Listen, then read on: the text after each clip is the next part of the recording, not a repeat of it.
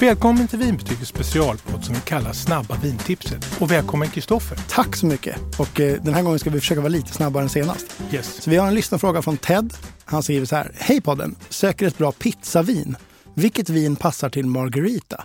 Och varför heter det Margarita? Alltså inte drinken utan pizzan. Nu tycker jag att du hade en ganska amerikansk betoning. Margarita, det är italienskt. Ja, ja, ja. ja Drinken är, är något annat. Så Men jag gillar att Ted har en fråga om pizza. Ja. Det är lite kul med pizza i Sverige. För att det kom ju på 70-talet. Och då var det exotiskt och spännande att liksom gå till pizzeria. Det var Mm. något special. Mm. Sådär. Det var nytt och det var jättegott och Mm. sådär. Va? Men sen så blev det liksom snabbmat av det här. Det Ja. kom sådana här kedjor. Du vet, Pizza Hut och Ja, fryspizzor som man inte ens visste vad det var på dem. Men sen så har pizzan idag fått liksom en slags, fått komma in i finrummet. Mm. På vissa lite trendiga krogar som man Löjroms pizzor etc. Va? Mm, Och det är pizzor i var varannan reportage och folk gör pizzor hemma. Och det, det, pizzan är liksom här. Va? Ja, verkligen. För Ja. att stanna. Ja, och det finns både, tycker jag, ful och fin pizza. Ja, men det gör det. Men hur är det med just Margarita? Ja, men jättebra. Jo, men det är en klassiker och jag tycker att det är en fin pizza. Det beror lite på hur man gör den förstås. Mm. Och det är alltid degen man pratar om, att den ska vara krispig och luftig och bubblig och sådär. Och väldigt varm ska det vara den här Mm. ugnen. Men gör man det, då blir den bra. Och det här är nog den enda pizzan med kunglig börd. Mm. Och dessutom så är det den första pizzan som fick ett eget namn. Och hur kommer det sig? Jo, men det här var i slutet på 1800-talet i Neapel. Mm. Det är liksom eh, hemmaplan för pizzan. Ja, verkligen. Och där fanns en pizzabagare som hette Raffaele Esposito. Italien hade precis blivit eh, en, en nation. Man hade samlat ihop alla de här delarna. Öarna och landet och alla regioner. Så då var det enat då.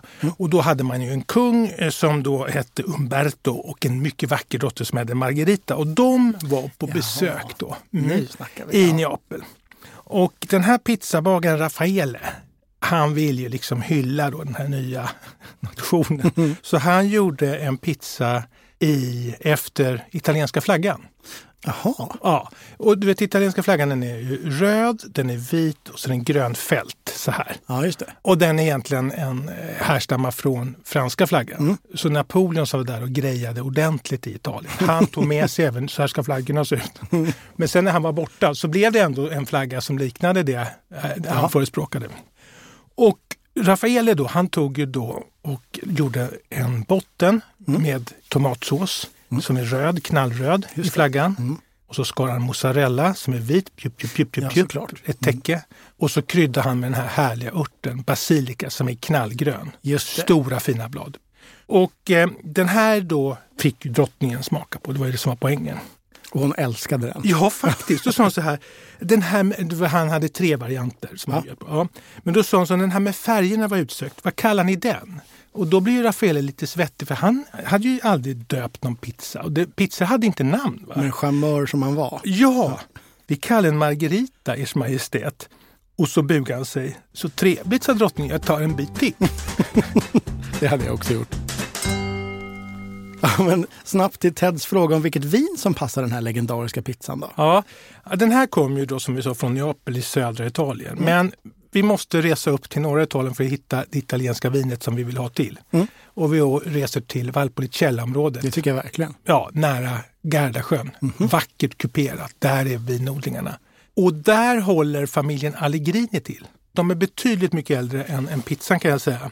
De har hållit på och gjort fina viner sedan 1600-talet. Och de har sett till att man har de bästa vingårdslägena. Mm. Och det är inte i dalgångarna där det blir varmt och solen steker. Utan det, är när det klättrar ja. Mm. upp. Ja. Och då får druvorna kämpa lite mer. Och de har ju en hel liksom, familj av viner. Men det jag tänkte prata om det heter så här. Allegrini Valpolicella Superiore. Superiore. Mm. Ja. Här har vi det. ja, det här vet du. Det här är fint. Det var en svart etikett på det här. Den såg väldigt, eh, väldigt lyxig ut. Ja. Matchar priset den här lyxigheten? Ja, alltså det är ett eh, förnämligt pris får man säga. Det kostar 119 kronor. Ja, det var mycket förnämligt. Ja, men jag tycker att om man har en pizza som då inte kostar miljoner, ska man inte ett vin som, utan då ska ju det vara lite sådär. Mm. Ja, verkligen. Hand i handske. Så det kostar eh, inte mer än så för detta utmärkta vin. Och numret brukar vi nämna också. Det är ju då ännu enklare. 6010. Det är ju det bästa numret hittills. Ja, faktiskt. Ja. och det är perfekt balanserat. Det innebär då att fyllighet och strävhet och fruktighet eh, har samma nivåer. Mm. Så att ingenting tar överhanden. Och det här är lagrat då ett år på fat. Så det är lite fyllighet härligt. För den här pizzan har ju ändå lite smak från, Mm. inte minst från tomatsåsen. Men det är liksom inte för tungt helt enkelt. Nej, Nej. det tar inte överhanden. Och sen kan man ju säga då, din gamla vegetarian säger jag nu till dig, så här, att Margarita den var ju liksom veg- vegetarisk långt före ordet vegetarisk fanns. Ja, verkligen. Ja, så här har du en Ja. bra rätt. Det är en fantastisk, jag älskar Margarita. Ja. Jag tycker lite intressant hur tre ingredienser kan bli en sån lyckad kombination. Tre ganska enkla. Mm. Det är väl ganska viktigt att allting är bra också. Ja, det är det ju. Men om man tar en sallad caprese, Mm. då har du ju tomat, mozzarella och basilika. Det är Mm. samma saker, bara att den här är gratinerad under hög värme så den får ännu mer liksom tryck och smak Mm. än den salladen. Men, så det är en lyckad liten trio det här smakmässigt. Mm. Och till det här vinet. Och den här kan jag tänka mig finns på vinbetygens topplista också. Ja men det gör den absolut. Och där är ju idén att vi vill tipsa om de bästa vinerna på Systembolaget. Mm. Och vår metod är att vi har en databas och så samlar vi in alla recensioner och så räknar vi ut jup, jup, jup, jup, jup, vilka viner som får högst betyg. Och det här är ett utav dem.